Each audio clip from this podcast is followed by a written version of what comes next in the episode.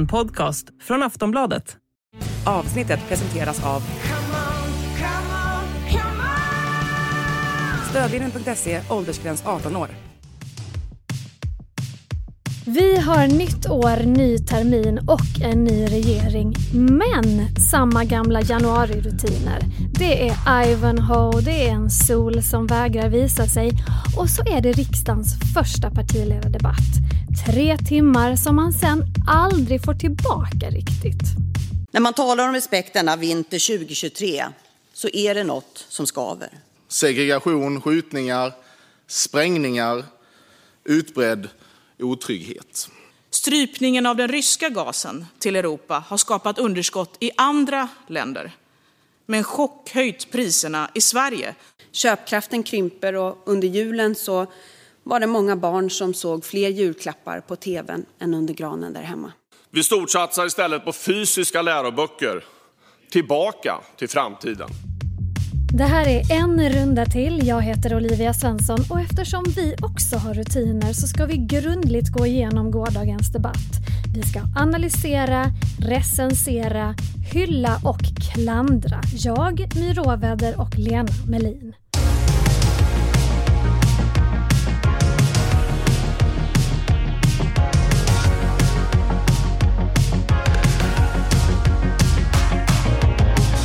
My och Lena, det är ju inget valår längre. Märktes det på något sätt? Ja, alltså på sätt och vis, för att de är, men de har det på sätt och vis inte, för att de har ju liksom på något sätt inte tagit sig ur de här hjulspåren som eh, är uppkörda sedan åtta år tillbaka, när vissa partier var, har varit i opposition och de andra inte, och lite är de kvar i de där rollerna. Till exempel Ebba Busch och, och, och hon var, är bäst på det där att skylla eh, allting på den föregående regeringen. Eller rättare sagt, kanske inte skylla utan mera utmåla det mörker som Sverige befann sig i ända till den 11 september på natten 2022. Man skulle kunna kalla det ett blame game. Eller nej, just det. Det var det hon inte sysslade med, sa hon i debatten. Vi kommer att komma till det här med blame game. Det var faktiskt en höjdpunkt igår. Eh, men jag vill att vi ska börja med att ni sätter betyg på den här debatten. Och på Aftonbladet har vi ju en betygsskala som går från 1 till 5 plus. My, börjar du. I snitt skulle jag säga att en partiledardebatt i riksdagen är en tvåa. Godkänt alltså? Som debatt, mm. ja. Men det är ju liksom att de är långsamma och långa och inte alls debatter egentligen. Men den här var ovanligt livad. Så att jag skulle ge den en trea. Och det betyget betyder bra? Mycket bra för en riksdagsdebatt. Jag är, det är betydligt mer kritisk. Tvåa, knappt det.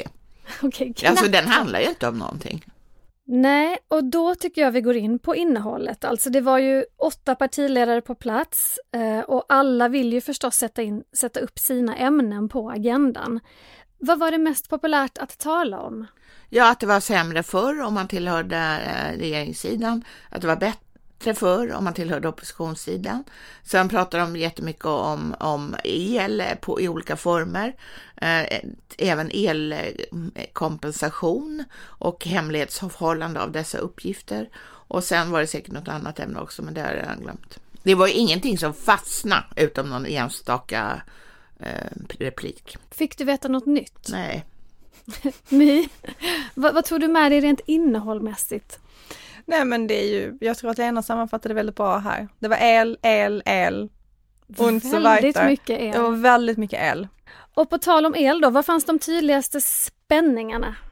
Nej men det handlar om de här löftesbrotten. Det här är ju oppositionens bästa tid. Det är ju nu, för att nu är liksom den fattigaste månaden, eh, människor har precis fått sin jättehöga decemberräkning och regeringen har inte riktigt fått på plats hur eller när det här elstödet ska betalas ut. Eh, så att det här är liksom den bästa tiden för oppositionen, för sen kommer det här vara överstökat när de här löftesbrott, eller liksom löftena kring elkompensation är uppfyllda. Så att de, de kämpar på. Det snackades mycket om det här med att elstödet ska vara hemligt. Kan du berätta lite om det, eh, Lena, så att vi förstår det ordentligt? Ja, det är så att de här uppgifterna om utbetalning av elstödet till, eh, till den som har elabonnemanget och det handlar ju då om 4,3 miljoner elabonnenter i elområde 3 och 4 och de ska hållas hemliga i, i, fyra, eh, förlåt mig, 20 år enligt regeringens eh, förslag. Riksdagen har ju inte ännu beslutat om detta. Mm. Men varför? Ja, det kan man verkligen fråga sig. Vad är det för skamligt att få lite elstöd? Men regeringens synnerligen dåliga argument för det här är ett, att man inte ber om att få det här stödet utan det betalas ut automatiskt. Ja, men det är jättemånga andra uppgifter som ingen har bett om att få offentliggjorda, till exempel mitt personnummer, min inkomst, allt möjligt om mig är offentligt. Men jag finner mig i detta och eh, håller inte på och tjafsar. Och det kommer jag inte göra med elstödet heller om, när, om det mot förmodan skulle bli offentligt. Sen så säger de också följande, det, vilket jag tycker är, kan, det, det är jättebra, man kan använda det nästan jämt. Konsekvenserna är omöjliga att överblicka. Och det vet man nästan ingenting man kan räkna ut till fullo om vad som händer i framtiden. Så det, då kan man stoppa nästan vad som helst.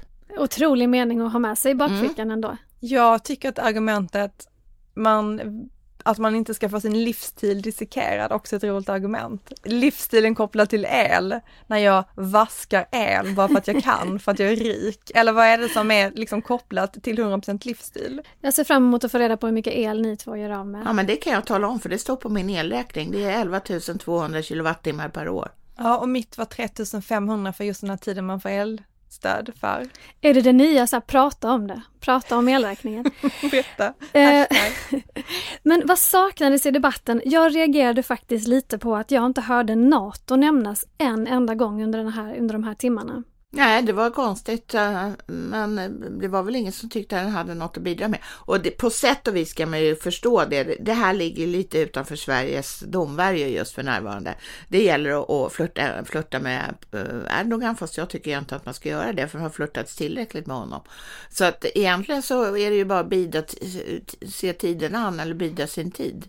Så att jag kan förstå faktiskt att det inte direkt jo, var uppe. Men samtidigt tänker jag, jag menar president Erdogan är ju väldigt aktuell just nu också med tanke på den här aktionen med Erdogan-dockan som har hängt utanför Stadshuset i Stockholm. Den kunde man absolut ha pratat om. Det tänkte jag att någon i oppositionen skulle ta upp. Varför gjorde de inte det, My?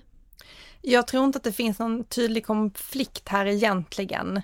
Eh, och sen så tror jag inte heller att när man går in, när man nu är mitt i den här processen, att man vill vara jag tittar på er Vänsterpartiet, att man vill vara ett parti som igen kan kritiseras för att man förstör eller försinkar eller försvårar en NATO-process. De har redan fått tillräckligt mycket kritik. Det finns ju egentligen eh, inget större motstånd nu inom partiet. Man tycker inte man ska vara med i NATO, men det finns liksom inget aktivt motstånd på det sättet. Så att jag tror inte att man heller vill stå där med att behöva bli så här, syndabock för att kanske processen går långsammare än man hade hoppats på. Och samtidigt så är det precis som Lena säger, alltså det är ju det är ju inte Sverige som driver den här agendan, det är inte Sverige som sätter tiden för när det här ska ske, utan nu är det ju på något sätt in i någon slags turkisk valkampanj och att det är det som kommer att avgöra när det här, när liksom den stegen tas framåt. Men det finns ju en aspekt på den här dockan som, som man kunde ha tagit upp i partiledardebatten och det handlar ju om om man, om man tycker att man ska be, be om ursäkt till president Erdogan för, för svensk yttrandefrihet. Det, det var ju det som regeringen gjorde på ett allt för, eh, tycker jag, und, alltså, de, de gjorde det på ett dåligt sätt. Eh, man, kan säga, man, skulle kunna säga till president Erdogan att du, vi har yttrandefrihet i det här landet. Jag förstår att du inte riktigt vet vad det är, men det vet vi och därför så är det okej okay med, osmakligheter som dockor hängda upp, upp och ner i luften. Men det gjorde ju inte de, utan de tyckte att äh, statsminister Ulf Kristersson upptryckte, upp, sa att det här var ett sabotage mot den svenska NATO-ansökan. Vissa delar av regeringen. För ett sätt som jag tycker är intressant om man försöker balansera den här retoriken mot Turkiet, det är att man låter vissa var hårda som Billström och delvis Kristersson och att vissa sen får eh, stå för de svenska värdena som Johan Persson som direkt sa att vi har yttrandefrihet, det här var kanske osmakligt men man får göra det här. Och sen har vi andra sidan då Sverigedemokraterna som också ett regeringsunderlag där Jimmy Åkesson igår sa att att eh, de är ett anti-islamistiskt parti, Erdogan är eh, inte en demokratiskt val Eh, ledare på det sättet som vi ser att liksom ett demokratiskt val ska gå till. Så att det finns ju nyanser i det här regeringsunderlaget. Så istället för att jobba med att alla har någon slags balanserad eh, balanserat uttryck för relationen till Turkiet så jobbar man med att vissa personer har liksom ett steg för nära och vissa personer har ett väldigt långt steg bort. Och de nyanserna kanske hade varit intressanta att höra i en sån här debatt, faktiskt, tänker jag. Verkligen, men de är ju mycket, mycket svårare eftersom det är omöjligt också förutse hur Turkiet reagerar på olika saker som svenska politiker Men säger. jag tror inte att regeringen hade någon, alltså även om någon hade tagit upp det, alltså någon i oppositionen, så tror inte jag att regeringen hade någon större lust att prata om den här frågan. Därför att för Liberalerna är ju yttrandefrihet viktigt. Det är uppenbarligen inte lika viktigt för Moderaterna. Eftersom då hade ju inte Ulf Kristersson uttryckt sig så här eh, om, om den här hängda dockan. Och, och, och det, jag tror inte att de tycker att det är skojigt när, när den typen av här, faktiskt ganska väsensskilda inställningar till grundlagsfästa rättigheter kommer i öppen dager. Men vi tycker det är kul. Vi tycker det är skitkul. En annan sak som det inte pratades om, eh, inte ens Miljöpartiet, det var ju klimatet. Och jag tycker att det är fascinerande att Miljöpartiet inte tar upp klimatfrågan och pratar om det här. Det är ju en fråga som partiet många gånger har liksom slagit fast att det här är deras profilfråga, det är den frågan de måste ha förtroende i, eh, som väljarna har förtroende för dem. Eh, och ändå, att det är liksom partiets styrka, och ändå så pratar man inte om klimatet. Alltså ingenting pratades om det i debatten igår. Märta Stenevi pratade Hon om försökte annan lite slags... grann. Ja, väldigt lite. Alltså hon pratade ju om andra saker, om identitetspolitik, om hbtqi-personers rättigheter eh, och det är ju inte den frågan som Miljöpartiet Eh, ha har som grundbas i sitt parti och jag förstår inte varför man fortsätter göra det här misstaget. Det är ju för varje valrörelse så säger de, vi fokuserade för mycket på annat, det är bara klimat och miljö vi ska prata om och ändå så slutar de direkt att prata om det. Det ledde ju till den här jättekonstiga debatten då mellan Jimmy Åkesson och Märta Stenevi. Vi vet att Sverigedemokraterna har en svag miljöpolitik. Vi vet att det finns friktioner mellan de här två partierna i den frågan. Och ändå så frågar Stenevi så här, får hbtqi-personer synas i SD Sverige? Vad är det för fråga? Han svarade ja. Mm. Och sen var debatten över. Alltså vad ska han svara? Jag, jag tycker att det var en, ja men de gjorde inte bra ifrån sig igår i de här liksom ämnesvalen.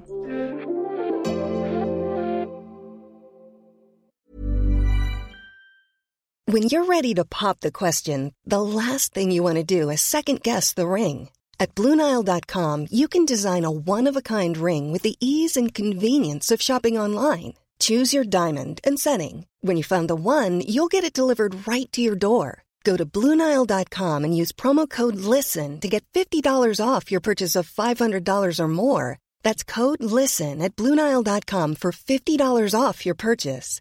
Bluenile.com code LISTEN. En sak som Ulf Kristersson då poängterade flera gånger var att han ville bjuda in till samtal och samarbete. Och då var det kring tre olika frågor. Det var migration, det var kriminalpolitik och det var energin.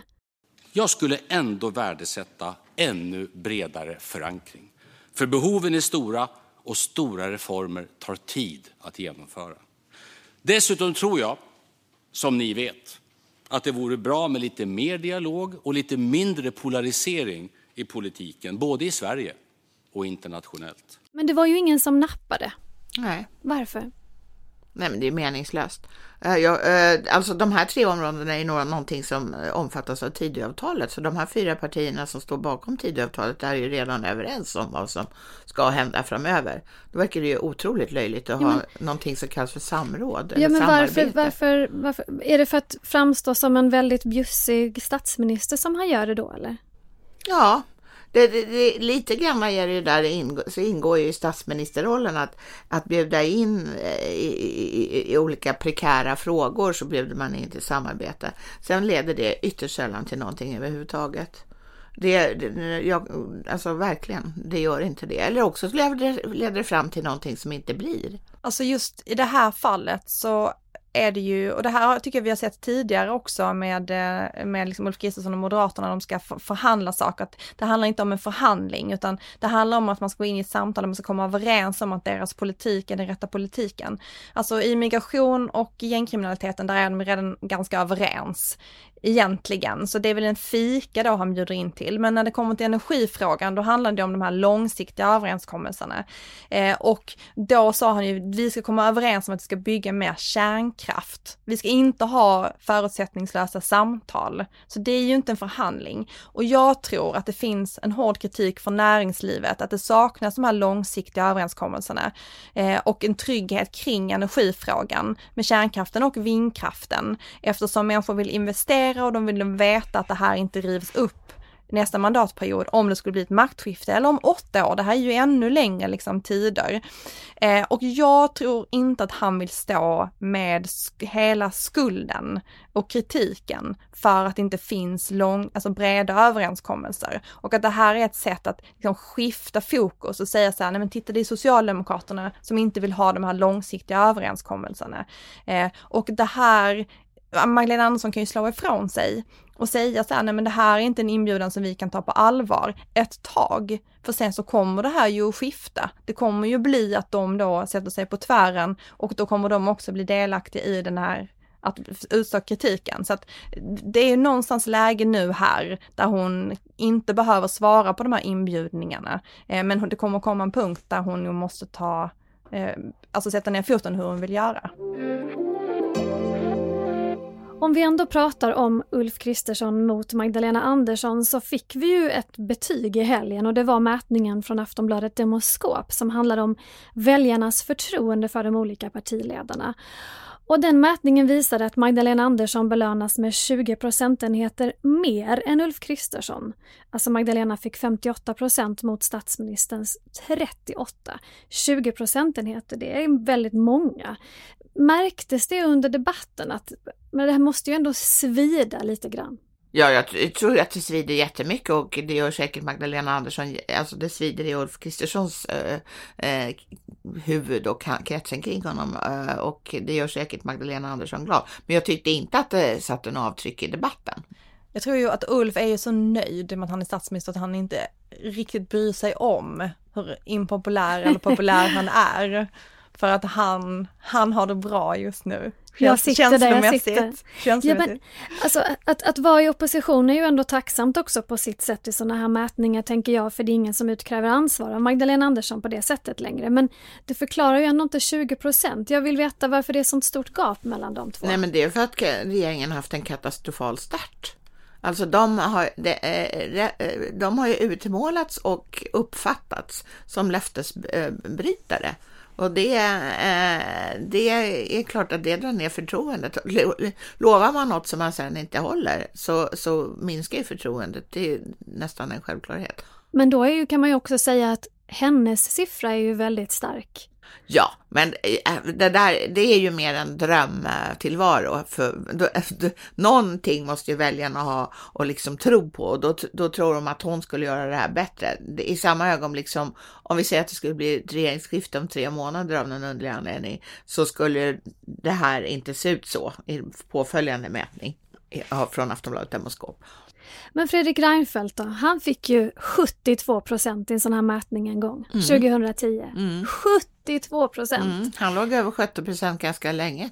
Men vad ska man göra för att nå den typen av höjder? Då var det faktiskt så att folk uppskattade regeringens, den dåvarande regeringens eh, hantering av finanskrisen. Det var ju det som var hela orsaken. Och jag tror att den här mätningen gör vi ju bara eh, gällande partiledarna. Så, men hade Anders Borg varit med i samma mätning, alltså den dåvarande finansministern, så tror jag att han hade fått minst lika mycket. Därför de framstod som en väldigt kompetent duo Eh, Anders Borg sa att liksom orosmolnen hopar sig. Nu måste vi ta nya, vi måste liksom eh, stå enade och samlade i denna svåra tid. Och det var ju också så att Sverige klarade sig väldigt eh, eh ja, lätt var väl att ta i, men alltså jämfört med andra länder så, så, så slog, fick inte den här krisen samma förödande inverkan som den hade på stora delar av världsekonomin som gick i baklås av det här. Tror du att Ulf eller Magdalena skulle kunna komma upp i sån här 72 procent någon gång? Nej, det tror jag inte. De, de, de har inte samma, ingen av dem har samma lugn som eh, Fredrik Reinfeldt. Och eh, han hade också en, eh, en förmåga att utstråla kompetens. Det är hårda ord mot Ulf och Magdalena, det är det verkligen. Mm. Vad säger du My?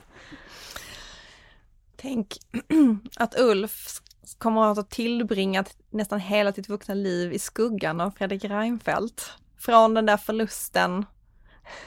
Det är lite sorgligt faktiskt. Eh, om eh, MUF-ordförandeskapet 1992 fram tills idag, när han är en mycket, mycket mindre populär statsminister. Men jag noterade faktiskt under debatten igår att Ulf Kristersson satt och fipplade med inte färre än två mobiler. Alltså han hade en först och så scrollade han på den och sen tog han upp en ny och scrollade på den.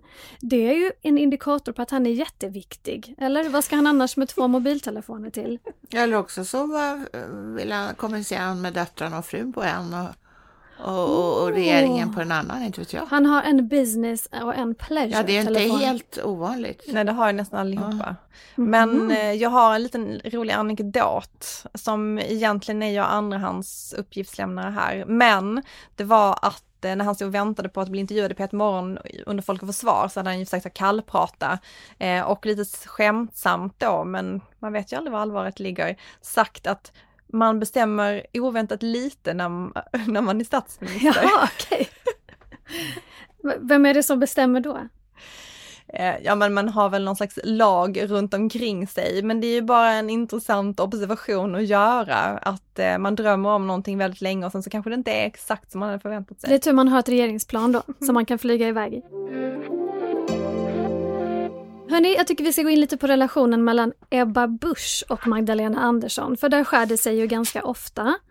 Och gårdagens debatt var inget undantag. Jag tror inte att någon som lyssnar på dagens debatt är speciellt bekänt av ett blame game. Vi har nog med politiker som skyller sina misstag på andra och som inte själv vill ta ansvar. Men om vi ska vidta kan ta det efteråt, Magdalena Andersson. Kan du få berätta vad som var så roligt för allihopa? Eh, Ebba säger ju att det inte är dags för något blame game då, men är hon inte rätt bra på det själv? Verkligen. Och sen, jag tycker ytterligare förhöjer eh, liksom det roliga i den här historien är att det är andra gången det här händer. Det var den förra debatten, alltså bara den debatten som var inne nu i SVT. Det här med att säga sånt som är sant igen som är så viktigt i alla fall för mig. Eh, De har, de, har hittat ett, eh, de har hittat ett spel mellan varandra där som de tycker funkar. Ebba vill alltså utmåla Magdalena som någon slags mobbare. Det är det det handlar om. Ja, men det är, hon är ju en mobbare i det här sammanhanget, för måste man ju faktiskt säga. Eh, däremot kan man ju tycka att mobbningen är rolig för att hon, eh, alltså skojig, även om den är elak mot Ebba Busch, därför att den är så, hon kan liksom inte hejda sig. Eh, när hon hör Ebba Busch säga att hon är ärlig eller, blame, eh, eller vad hon, det här som hon sa i debatten igår. Men sen tyckte jag också det var en annan rolig incident kopplad till det och det är att Jimmie Åkesson ryckte ut som en vit riddare för att liksom skydda Ebba Busch från de här otillständiga eh, påhoppen. Jag tycker att det är lite anmärkningsvärt att det är just Magdalena Andersson som står här och pratar om respekt. Då inte bara för att det är synnerligen respektlöst att eh, sitta här i riksdagens kammare och hånskratta när någon annan talar. Men är det någon politiker som inte skyller på någon annan? Det enda jag hörde igår var ni sabbade kärnkraften, ni sabbade det, det är ert fel, nu ska vi göra om. Det är ju spelets regler på något sätt. Ja, och det har varit ett väldigt tydligt inslag den här valrörelsen och ja, en del av den här mandatperioden också, det här med historieskrivning, att man försöker sätta sin berättelse kring vad som har hänt och det är inte nödvändigtvis kopplat till fakta eller hur det har gått till. Fakta utan, sysslar vi inte med här. Utan man väljer liksom de bitar som passar och sen så skapar man sin historieskrivning utifrån det. Så att, och det är ju väldigt mycket Alltså för det roliga var idag att Ebba Busch sa att hon inte skulle syssla med blame games och sen så tycker jag att rubriken på hela den här debatten var the blame game för att det var inte bara hon, det var ju alla som sysslade med det. Men de kanske inte har så himla mycket annat att prata om just nu än att irritera sig på varandra. Det är ju så att det väljarna vill veta är ju ja, hur ska det bli i framtiden? Det kan man säga att det gav ju inte den här debatten svar på överhuvudtaget. Intressant, för det var min nästa fråga. Jaha, fick, ursäkta. Fick, nej, helt rätt. Du ledde oss in på detta viktiga. Så fick vi någon bild av vad partierna vill under 2023? Var kommer fokus ligga? Vad är det viktiga för dem? Vad är det för utmaning vi ska klara av i Sverige framåt? Nej, det, det, jag tyckte inte det då och jag, jag, det kan ha varit svårt att prata om NATO-frågan därför att, så att säga, det ligger utanför Sveriges domvärjo. Men det som är en annan stor fråga som man kunde ha pratat om, det är ju den ekonomiska situationen. Eh, där det finns mycket att, säga från fördelningspolitik till eh, näringspolitik och allt möjligt annat. Och där folk ju förstås är väldigt, väldigt oroliga på olika sätt. Mm. Tog man den oron på allvar, My? Nej, men jag tycker inte det i den här debatten, men det är ju för att det finns ju inga svar. Människor är oroliga för sina elräkningar. Det finns inga hundraprocentiga svar, förutom att det kommer Eh, det kommer någonting men man har inget svar heller på hur man ska hantera det som är nu och hur man hanterar det framåt. Alltså det här är ju då en tillfällig lösning som är retroaktiv. Men det som händer nu då, hur löser man det och hur löser man det framåt? Varför kan människor förvänta sig om den här eh, situationen med väldigt höga och oberäkneliga elräkningar fortsätter. Det har man ju fortfarande inga svar på. Så att så länge människor är oroliga och inte får några svar så kommer det ju att prägla debatten. Men vi kan lugna lyssnarna på en punkt. Den 23 februari blir det lite bättre. Vad händer den 23 februari? Då sparkar Ringhals 3 igång. Är det viktigt på något vis? Ja, de producerar jättemycket el och ligger i södra Sverige, alltså stabiliseras situationen där. Kan vi förvänta oss att våra elräkningar blir mindre salta då? Ja. Bra.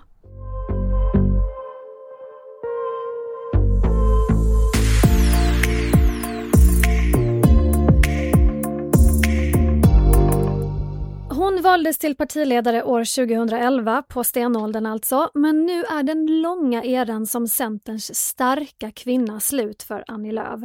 På Centerstämman om två veckor är det dags att kliva ner från tronen på riktigt, men på debatten igår så blev hon rejält avtackad av de andra partiledarna, som sig bör. Var det ett värdigt avsked? Ja, det tycker jag. Ja, jag håller med. Grät ni? Nej, så värdigt var det alltså, inte. Jag, jag läckte som ett durkslag. Det gör du alltid. Ja, det var otroligt. När det är sådana avtackningar. Jag vill tacka för de här tårarna som jag fick fälla. Nej, men det känns som att alla älskar Annie. Ja, det var helt otroligt. Jag tror hon var jätteglad. Alltså, med sådana ord så kan man ju flyga, i alla fall mentalt, ett, ett par veckor nästan. Någonting som jag tycker är fint med de här avtackningarna, det är ju att den här liksom mänskligheten bakom politiken kommer fram. Vi får ju alltid reda på någonting nytt om relationerna mellan olika partiledare. Och det tyckte jag att vi fick eh, i den här avtackningen också. Och det var ju avtackningen från Jimmy Åkesson som stod ut ändå. Det finns inget datum är satt till första oktober, men det kan ändras för det är så länge till. Men jag hoppas att Annie Lööf är intresserad av det. Hon är hjärtligt välkommen till Listerlandet så ska jag ta väl hand om henne och hennes familj i så fall. Tack så mycket. Och jag är tacksam över de samtalen vi har haft. Jag är tacksam över skratten som vi faktiskt har haft emellanåt. För Jimmy kan konsten att formulera slagkraftiga sms. Det har ju varit så mycket de senaste åren, att ofta har varit det eftersom det är en sån hård konflikt i politiken. Men så visade det sig att nästan alla partiledare har en relation till Jimmie Åkesson på olika sätt. Sen så var den här ju oväntat varm ändå. Väldigt varm. Skulle jag säga. Mm. Eh, och att han kämpade med att han försökte liksom inte riktigt visa hur varm den var i sitt tacktal. Och sen när hon då pratade om deras relation så fick han komma och säga så här, ja men nu när du ändå har avslöjat hur bra vänner vi är, för att ingen av deras väljare kanske tycker att det känns jättekul att de vet, smsar, att hon säger så här, han skriver oväntat roliga sms. Ja, man fick en känsla av att de har en, en hjärtlig och varm relation. Och det här med att kunna skilja på sak och person, det blev så tydligt ändå att ja, de tycker otroligt olika men de kan se bortom det på något sätt och det gjorde mig faktiskt lite förvånad. Men jag skulle säga att det har hänt mycket de senaste fem åren. De har ju suttit då fem år som bänkarna i riksdagen. Men jag har ett mycket tydligt minne när jag har varit med vid tillfällen, nämligen när de, för mer än fem år sedan, när de skulle kallprata med varandra i väntan på att vara med i en sändning. Och det var kämpigt. Det? Alltså det var stelt. Det pratades om katter, det pratades om hundar, det gav inget resultat. Annie Lööf kämpade på med alla sina sociala kunskaper och det gick inte, det var, det var liksom inte helt lätt. Så att jag tror ändå att det har växt fram eh, under de här åren då kanske som bänkgrannar för att hela tiden under de här Alltså för han har ju suttit längre, så att de har ju varit partiledare samtidigt under 11 Mm. år. Eh, hela den här tiden har det ju kanske inte varit så här vänskapligt. Och nu ska de gå på fotboll ihop. Det var många som ville hitta på saker med Annie. Man undrar ju ofta det där sker, det är ofta det man ger någon, Mm. att man ska göra någonting tillsammans. Alltså jag tror inte något av det där blir av. Men spadan med Nooshi då? Nej, Om ja, snälla, hon, hon, behövde ju inte, hon behövde ju inte ta med Nooshi. Och så, sa jag, så jag tror, sa Nooshi, så jag tror att om det överhuvudtaget blir av så är det utan Nooshi. Okej. Men det här med att man ska, det är bara för att jag ser med skräckblandad förtjusning ändå på det här med att man ska vara spara med kollegor som man egentligen är. Alltså jag är ju Mm, eh, före detta kollegor. simmare, jag är helt obrydd med att umgås i baddräkt. Men ändå finns det en Ja. gräns tycker jag vid Ja, det är ett steg. kollegor och nakenhet. Men nu är de inte kollegor längre. Det är kanske det som kommer vara det förlösande. Vi Ja, ser det fram emot enda jag tror kanske blir av är den korvgrillningen med Ma- Magdalena Andersson eftersom Mm. de bor ganska nära varandra. Men jag vill veta vilken present ni tyckte var bäst. Jag tyckte korven och fotbollen. Men jag tror inte fotbollen kommer bli av. Nej, vad tyckte du mig? Jag tyckte nog också att fotbollen för Jimmy Åkesson var den mest oväntade. Alltså Jimmy. Åkesson gav henne en, eh, en biljett till en match mellan Mjällby och Värnamo. Och Mjällby är ju då Jimmy Åkessons hemmalag och Värnamo är eh, Annis och där har hon dessutom varit målvakt. Fotboll förenar, det är så Mm. vackert. Vilken gåva var sämst? Det var ju Johan Perssons pizza. Varför ska han ge henne en pizza? Han har bara gjort en pizza hela sitt liv. Men och det gud, var eh, när, när han var praktikant häromdagen. Han jag skryter så med. mycket över det här med pizzan. Ja. Ja, men då tycker jag det är dags för er att ge Annie Lööf varsin present. Och nej, vi kommer inte skicka den till henne, men ni får ge den som en symbol för någonting. Vad får hon av dig, Lena? Hon får ett intre, högintressant, spännande jobb som inte alls är lika offentligt som det som hon har haft och som gör att hon kan eh, oftast slå igen datorn vid fem och Mm. åka hem till Nacka. Det låter underbart. Jag kan ju omöjligt sätta mig in i vilken form hon är i just nu. Alltså både fysiskt och psykiskt efter de här åren och allt det hon har varit med om. Jag har själv inte haft ett särskilt traumatiskt liv och det är omöjligt att sätta sig in i vad man, hur man mår när man har varit med om att eh, få ett så för tidigt fött barn som nästan dog, man har nästan själv dött, man har också blivit mordhotad, varit med i en stor rättegång, man har varit otroligt hårt pressad i politiken. Jag vet inte, men eh, vad jag skulle önska Annie Lööf och alla som egentligen går igenom svåra saker i livet, det är ju den här känslan av att vakna mjukt och varmt efter en god natts sömn. Åh, Av sig själv. Det är lite ljust. jag börjar det nästan finns, gråta nu Det finns igen. små ljud och du Mm. ligger perfekt. Så jag tänkte att den perfekta presenten skulle vara ett fluffigt Sömntabletter. Varsågod. sömntabletter och ett Best Western hotell en vecka eh, nej, men ett fluffigt täcke och en perfekt kudde.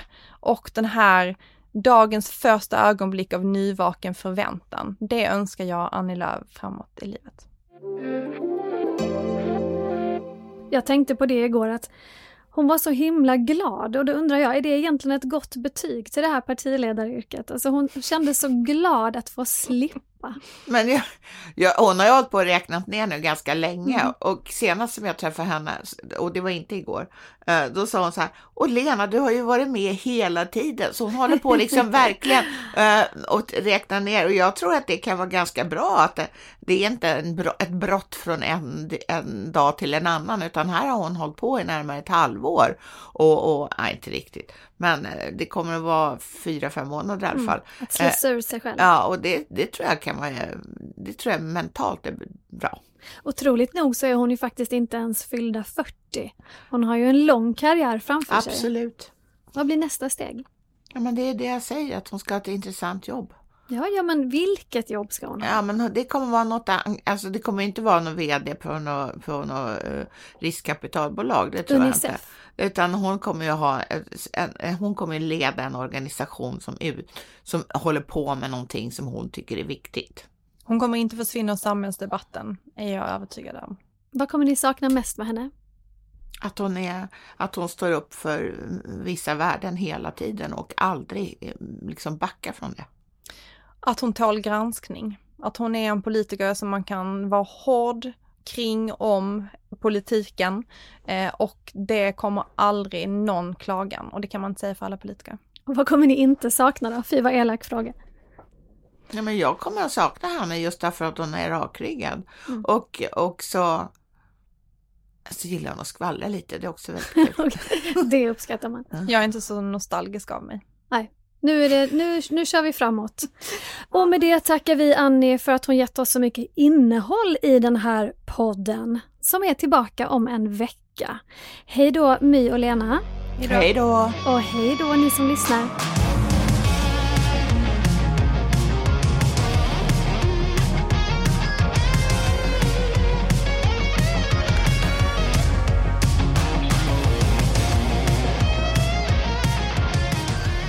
Du har lyssnat på en podcast från Aftonbladet. Ansvarig utgivare är Lena K Samuelsson.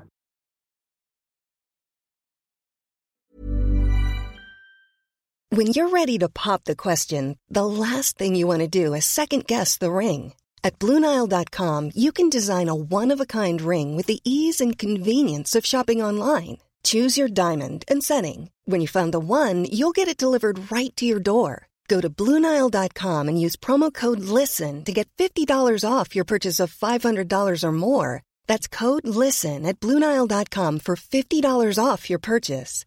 Bluenile.com code LISTEN.